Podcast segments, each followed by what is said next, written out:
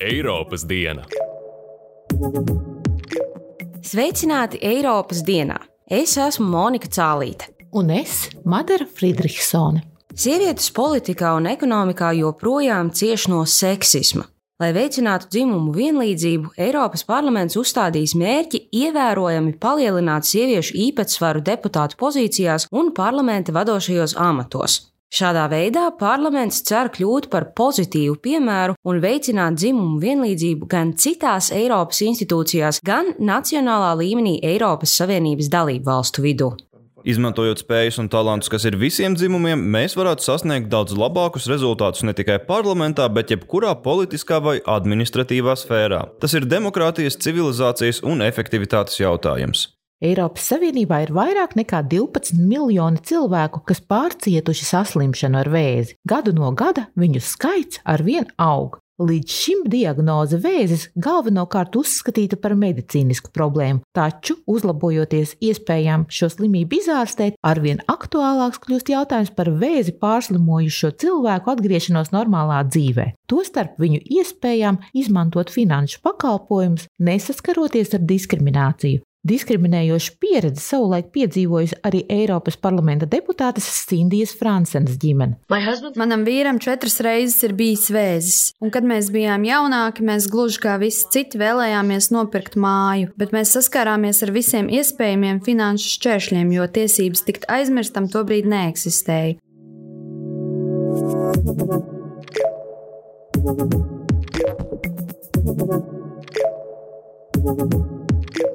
Panākta vienošanās par tā dēvētās Eiropas zilās kartes reformu. Tās galvenais mērķis ir elastīgāk piemērot prasības augsti kvalificētu darbinieku piesaistē no tā dēvētajām trešajām, proti Eiropas Savienībā neietilpstošām valstīm. Vienošanās paredz samazināt atalgojumu slieksni, kā arī minimālo darba līguma ilgumu. Tāpat plānots atvieglot profesionālo prasmju atzīšanas prasības informācijas un komunikāciju tehnoloģiju nozarē, ļaujot uz zilajām kartēm pretendēt arī cilvēkiem ar atbilstošu profesionālo pieredzi. Tāpat plānots, ka zilo karšu saņēmēju ģimenes locekļiem būs tiesības ierasties Eiropas Savienības dalību valstīs kopā ar kartes saņēmēju un strādāt Eiropas Savienībā. Eiropas parlaments pieņēmis programmu Radošā Eiropa, kas paredz 2,5 miljardu eiro lielu atbalstu kultūrai un audiovizuālajai nozarei 2021. līdz 2027. gadā. Tas ir visu laiku lielākais atbalsts, ko Eiropas Savienība jebkad piešķīrusi mākslai. Programmas budžets, salīdzinājumā ar iepriekšējo periodu, ir gandrīz divkāršojies. Eiropas parlamenta deputāti norādījuši, ka atbalsts programmai liecina, ka viņi novērtē kultūras nozares nozīmi un vēlas palīdzēt tai atkopties pēc pandēmijas, kuras dēļ daudz vietā Eiropā kultūras norises vietas vēl joprojām ir slēgtas. Eiropas parlamenta un Eiropas padomes sarunvedēji pagājušajā nedēļā panākuši vienošanos par Eiropas Savienības digitālo Covid-19 certifikātu. Iepriekšējās Eiropas dienas epizodēs jau vēstījām, ka šādu certifikātu varēs saņemt tie cilvēki, kas ir vakcinējušies pret Covid-19, nesen izslimojuši šo infekcijas slimību vai var uzrādīt negatīvu Covid testu. Te gan jāņem vērā, ka vakcinētajiem iedzīvotājiem, kas vēlas izmantot digitālā certifikāta nodrošinājumu, nodrošinātās priekšrocības, piemēram, neievērot karantīnu pēc iebraukšanas no citas valsts, būs jābūt vakcinētiem ar kādu no Eiropas zāļu aģentūras atļautajām četrām vakcīnām. Tomēr katras Eiropas Savienības dalību valsts kompetencē būs izlemt, vai tās atzīst vakcinācijas certifikātus, kas izsniegti cilvēkiem, kas vakcinējušies ar citām vakcīnām pret covid-19. Jāuzsver arī, ka digitālā covid-19 certifikāta esamību nedrīkstēs izvirzīt par brīvas pārvietošanās priekšnosacījumu, un tas netiks uzskatīts par personu apliecinošu dokumentu. Digitālais certifikāts varētu sākt darboties 1. jūnijā, bet Latvijā to plānots ieviest jau no 15. jūnija.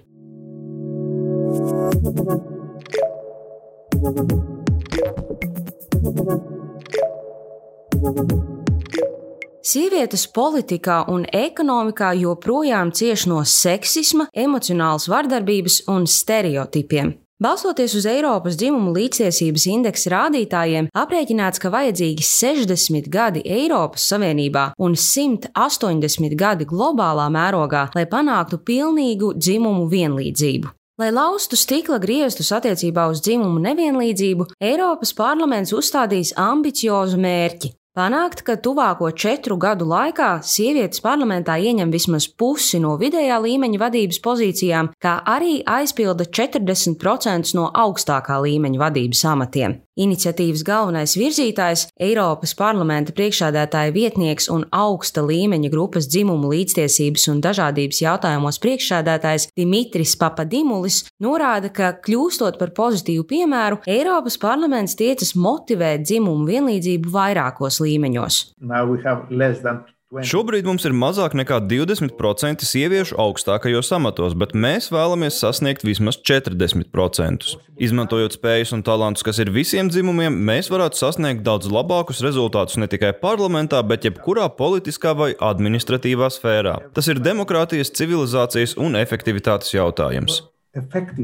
Plāns paredz pilnveidot dzimumu līdzsvaru komiteju un delegāciju vadībā, lēmumu pieņemšanā, ārējo ekspertu atlasē un pētījumu autoru piesaistē. Kā norāda Papadimulis, šī ir pirmā reize vēsturē, kad šis jautājums aplūkots ne tikai no administratīvā, bet arī politiskā viedokļa. Papadimulis uzsver, ka ir ļoti svarīgi, lai vienprātība nebūtu tikai uz papīra, bet arī praksē. Tāpēc paredzēts reizi pusgadā rīkot progresa izvērtējumu, kurā aicināti iesaistīties arī Eiropas Savienības pilsoņi, sekojot līdzi rādītājiem Eiropas dzimumu līdztiesības indeksā.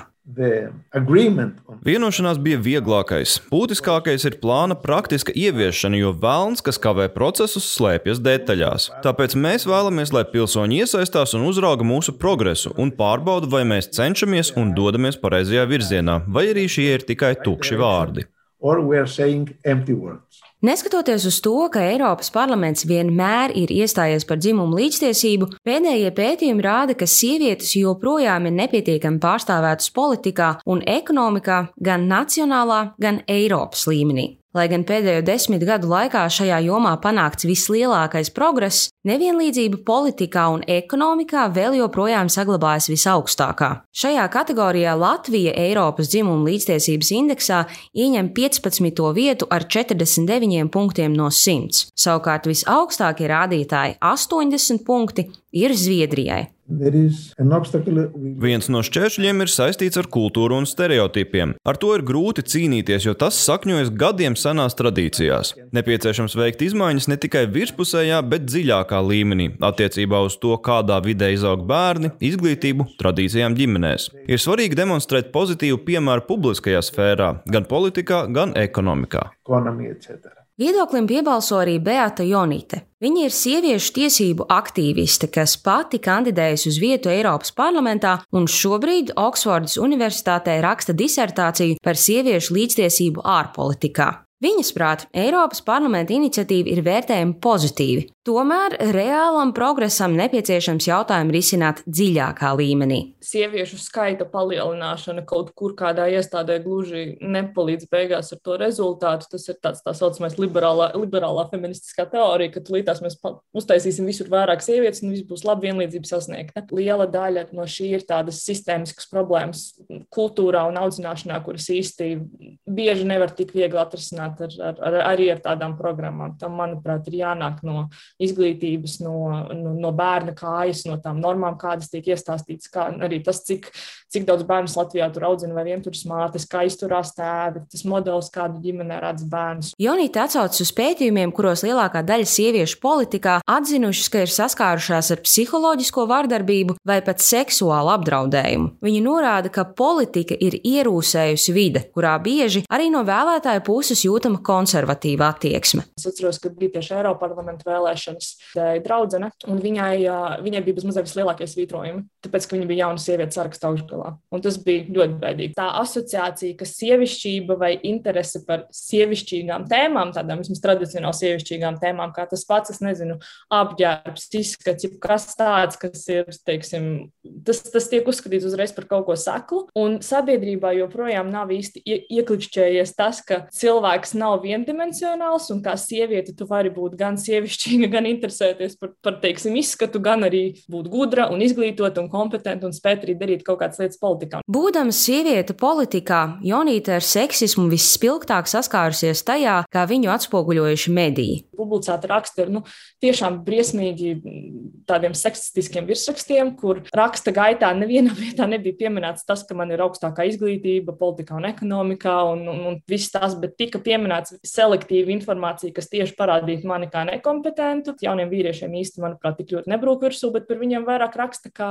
tu esi varonis, jo tu tur esi ticis, ja tu esi jauna sieviete, tad tu esi tikus caur gultu. Ja ierauga jaunu sievieti kaut kur augstā amatā vai augstā pozīcijā, tā asociācija vienmēr ir nevis, kas ir viņas kompetences un ko viņa spēj darīt, bet kā mēs varam viņu uzzīmēt tā, lai viņi izskatītos pēc iespējas sliktāk. Jonīta pauž, ka problēmas risināšanai nepieciešams izmaiņas ne tikai bērnu audzināšanas un vēlētāju izglītošanas līmenī, bet arī vajadzīgs pozitīvs piemērs un vide, kurā sievietēm vienai otru atbalstīt un iedvesmot, piemēram, nevalstiskās organizācijās vai dombiedru grupās. Šobrīd daudz šādu iespēju nesot, tāpēc Jonītas personīgā pieredze politikā modinājusi viņā misijas apziņu, būt sabiedriski aktīvai un iedrošināt citas sievietes ar sociālo tīklu starpniecību. Arī Eiroparlamenta deputāts Papa Dimulis uzsver, ir svarīgi sievietes iedrošināt un atbalstīt, atbrīvojoties no diskriminācijas un šķēršļiem, kas stājas ceļā.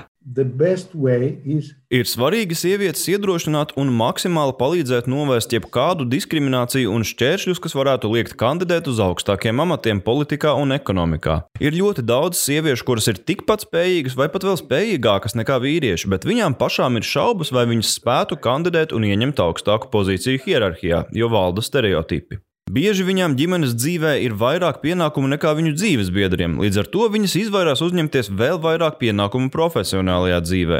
Manuprāt, fokusējoties uz šo šķēršļu atrisināšanu, kultūras stereotipu un ikdienas līmenī, mēs varētu sievietēm dot vairāk telpas, kurā elpot, sevi realizēt un parādīt savus talantus, lai praktiski, ne tikai teorētiski, viņas varētu būt vienlīdzīgas vīriešiem. Equal Ar katru gadu sieviešu deputātu skaits Eiropas parlamentā turpina pieaugt. Tagadējā Eiropas parlamenta sasaukumā ir rekorda augsts sieviešu īpatsvars - ap 40% no kopējā deputātu skaita. Tāpat turpina augt sieviešu skaits, kuras ieņem augsta līmeņa amatus. Arī citās augsta ranga Eiropas Savienības institūcijās sievietes arvien biežāk ieņem augstas pozīcijas. Piemēram, pirmo reizi sievietes ieņem gan Eiropas komisijas priekšādātājas amatu, gan Eiropas centrālās bankas vadītājas pozīciju, kas liecina, ka sieviešu pārstāvniecība ekonomikas un politikas jomā arvien turpina pilnveidoties.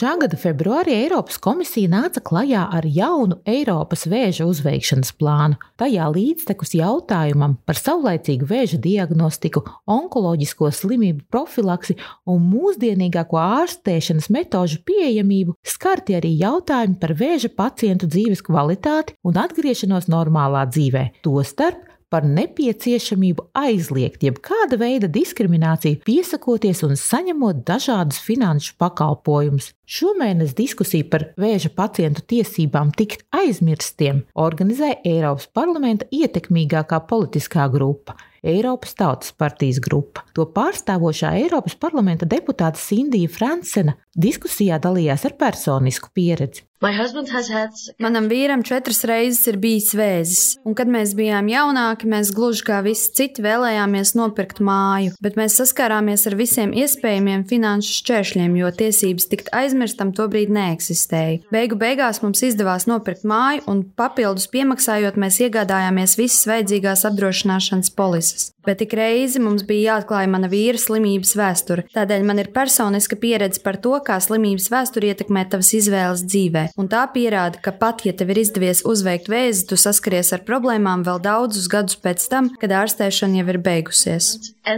Šobrīd Eiropas Savienībā dzīvo vairāk nekā 12 miljoni cilvēku, kas pārcietuši vēzi. Kā diskusijā norādīja Beļģijas Karaliskās medicīnas akadēmijas locekle, Eiropas vēža izpētes un ārstēšanas organizācija organizācijas bijusī ģenerāldirektore Francoāze Monjē, tagad, kad iespējas saulēcīgi diagnosticēt un efektīvi ārstēt vēzi ir ievērojami uzlabojušās, arvien aktuālāks kļūst jautājums par šo saslimšanu uzveikušo cilvēku atgriešanos normālā dzīvē. Tagad mēs saskaramies ar jaunu veidu problēmu, ko negaidījām. Tā nav medicīniska rakstura problēma, tā ir sociāla ekonomiska problēma un politiski tiesiska rakstura problēma. Tādēļ es koncentrēšos uz sociāla ekonomiskajiem un politiski tiesiskajiem jautājumiem, kas saistīti ar tiesībām tikt aizmirstam. Tās šobrīd neietver medicīniski rakstura problēmas. Saskarsme ar diagnozi vēzis ir sarežģīts process. Kad mēs ārsti paziņojam pacientam diagnozi vēzis, tas ir kā zibens spēriens. Ārstēšanas process ir ļoti sarežģīts, bet vismaz ir redzama gaisma tuneļa galā. Ir skaidrs, ka negaisam atkal sekos saule, bet tas mums uzliek pienākumu attīstīt jaunus, inovatīvus risinājumus šo cilvēku rehabilitācijai un pilnīgai atkal integrēšanai sabiedrībā, bez jebkādas diskriminācijas. Sabiedrības mentalitātei ir jāmainās. Kādēļ mentalitātei ir jāmainās? Jo vēzis vairs nav nāves spriedums. Vēža slimnieks nedrīkst sodīt divreiz. Pirmoreiz ar diagnozi, otrreiz ar diskrimināciju. Mums no tās ir jāizvairās, neatkarīgi no tā, vai runa ir par darbu iegūšanu, hipotekāro kredītu vai apdrošināšanu. Aplēsts, ka aptuveni piekdaļa vēzi pārcietušo, kas vēl nav sasnieguši 50 gadu vecumu, nav varējuši iegādāties dzīvības apdrošināšanu, taču šobrīd tikai četrās Eiropas Savienības dalību valstīs - Francijā, Beļģijā, Luksemburgā un Nīderlandē - likumos ir nostiprināts vēža pacientu tiesības tikt aizmirstiem. Tas nozīmē, ka izmantojot finanšu pakalpojumus, piemēram, iegādājoties apdrošināšanu vai ņemot hipotekāros kredītus, viņiem nedrīkst piemērot piemērot augstāku maksu. Frančiskā Monje uzsver, šāda prakse ir jāievieš visā Eiropas Savienībā. Is, um... Es ierosinu ieviest tiesības tikt aizmirstam principu Eiropas direktīvās, kurās ir aprakstīts kredītu izsniegšanas process un procedūras. Tas būtu jāievieš kā preddiskriminācijas norma attiecībā uz kritērijiem, kas tiek izmantoti vērtējot pieteikumus banku pakalpojumu vai apdrošināšanai finanšu pakalpojumiem. Lai noskaidrotu, vai saslimšana ar onkoloģisku slimību ietekmē finanšu pakalpojumu pieejamību arī Latvijā, Eiropas diena vērsās Latvijas Finanšu nozares asociācijā. Asociācijas kreditēšanas komitejas līdzpriekšsēdētājs Ainars Balcers uzsver, ka lai arī vienotu vadlīniju, kas liektu vai gluži pretēji rekomendētu bankām pirms ilgtermiņa kredītu izsniegšanas izvērtēt potenciālo kredītņēmēju slimības vēstures, Latvijā nav. Vērtējot pieteikumus, galvenā uzmanība tiek pievērsta aizdevuma ņēmēja finansiālajai rocībai. Un tas, ko vērtē banka, banka vērtē finanses. To, vai ir pastāvīgs darbs, um, vai regulāri ienākumi, no kuriem aizdevums tiks atmaksāts. Un, un, un, un, un tāpat bankai ir pienākums arī izvērtēt aizņē, aizņēmēju izdevumus. Ja? Un, un gan tos, kas ir kā obligātie maksājumi, gan, gan, gan tos, kas ir nepieciešami ikdienas tēriņiem un vajadzībām, jo tas ir vajadzīgs tāpēc, eh, lai eh, pārliecinātos, pārliecinātos vai, vai maisaimniecības budžetā paliek pietiekami naudas līdzekļi plānoto kredītu saistību sekšanai. Protams, mājokļu kredītu gadījumā tur ir vēl arī kādi citi papildus faktori, kas tiek vērtēti, kā piemēram pirmās iemaksas apjoms un esamība, uzkrājumi, uh, īpašums, kuru plānots finansēt. Tās ir tās galvenās lietas, uz ko bankas fokusējās. Savukārt, iegādājoties veselības vai dzīvības apdrošināšanu, pārslimots vēzis patiešām var ietekmēt apdrošināšanas prēmiju apmēru. Cilvēkam apdrošināšanas pakalpojumi izmaksās dārgāk, atzīst Latvijas apdrošinātāju asociācijas prezidents Jānis Abāšins. Visbiežāk teiksim, šī lieta varētu attiekties uz, uz, uz dzīvības apdrošināšanu un uz veselības apdrošināšanu. Tur, kur ir kolektīvie līgumi, vai tas ir kolektīvā veselības apdrošināšana, kolektīvā dzīvības apdrošināšana, tur būtībā šitam faktoram neviens tā kā uzmanību nepievērš uzņemoties šo risku, apdrošinātājs šo kolektīvu apdrošina un iekļauj. Nu, atkarīgs ir attiecīgi, kāds ir tas risku segums. Teiksim, ja tur saka, ka eh, veselība sēdz arī šīs onkoloģiskās slimības, tad sedz arī šīs onkoloģiskās slimības. Ja dzīvības apdrošināšana sedz uh, kaut kādas, teiksim, nāves dēļ onkoloģijas, tad tas ir līgumā iekšā un viss kārtībā. Tā kā kolektīvajos līgumos šim te faktoram uzmanība netiek pievērsta šī mirklī Latvijā, un, un, un tas riska faktors, teiksim, tiek tā kā, nu, izlīdzināts pa visu kolektīvu. Tikko aiziet runa par individuālām lietām, eh, teiksim, individuālā veselības apdrošināšana, tādas Latvijā nav daudz, bet to polišu ir plus mīnus 2000, un tā popularitāte šim veidam pamazām pieaug. Tur, attiecīgi, apdrošinātājs pirms slēgt līgumu ar šo cilvēku, šo cilvēku individuāli noskanē daudz nopietnāk, un tā cena prēmija ir piemērota individuāli šim cilvēkam. Līdz ar to arī paskatās, vai cilvēkam Šī mirklī vismaz paskatās, vai cilvēkam ar onkoloģiju ir bijusi kaut kāda darīšana. Un visdrīzāk tas tiek arī iecenots prēmijā. Pilnīgi viennozīmīgi. Ja tev ir individuālai dzīvības apdrošināšanas līgums īpaši uz kaut kādām lielākām summām, tad apdrošinātājs šo onkoloģijas faktoru ņem vērā. Viņš gan uzsver, ka slēdzot individuālos apdrošināšanas līgumus, nozīme ir arī tam, kādus riskus klients vēlas apdrošināt. Atkarīgs arī, protams, no risku seguma. Jo, ja es atnāku, man ir bijusi šī onkoloģija, bet es onkoloģiju, eh, nezinu, veselību vai dzīvību pret onkoloģijas riskiem negribu apdrošināt, es pasaku, to es zinu, ka man ir, un es viņus neņemu vērā, un, un tos riskus nesedzam, bet sedzam man tur, nezinu, laustās rokas, laustās kājas vai, vai, vai medicīnas izdevums, kas tur ir, nezinu, no, no aklās zarnas, ir kaut kā cita, nu tad, tad protams, ka apdrošinātājs to prēmijā neieceno. Diskusijas par tiesību tikt aizmirstiem principa iedzīvināšanu visā Eiropas Savienībā gan vēl ir pašos pirmsākumos. Par to, kā tas varētu darboties reālajā dzīvē, vēl gaidāmas plašas diskusijas gan Briselē, gan citviet.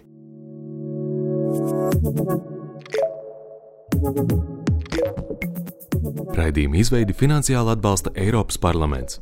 Par raidījumu saturu atbildīgi tikai tā autori, un Eiropas parlaments nav iesaistīts tā sagatavošanā.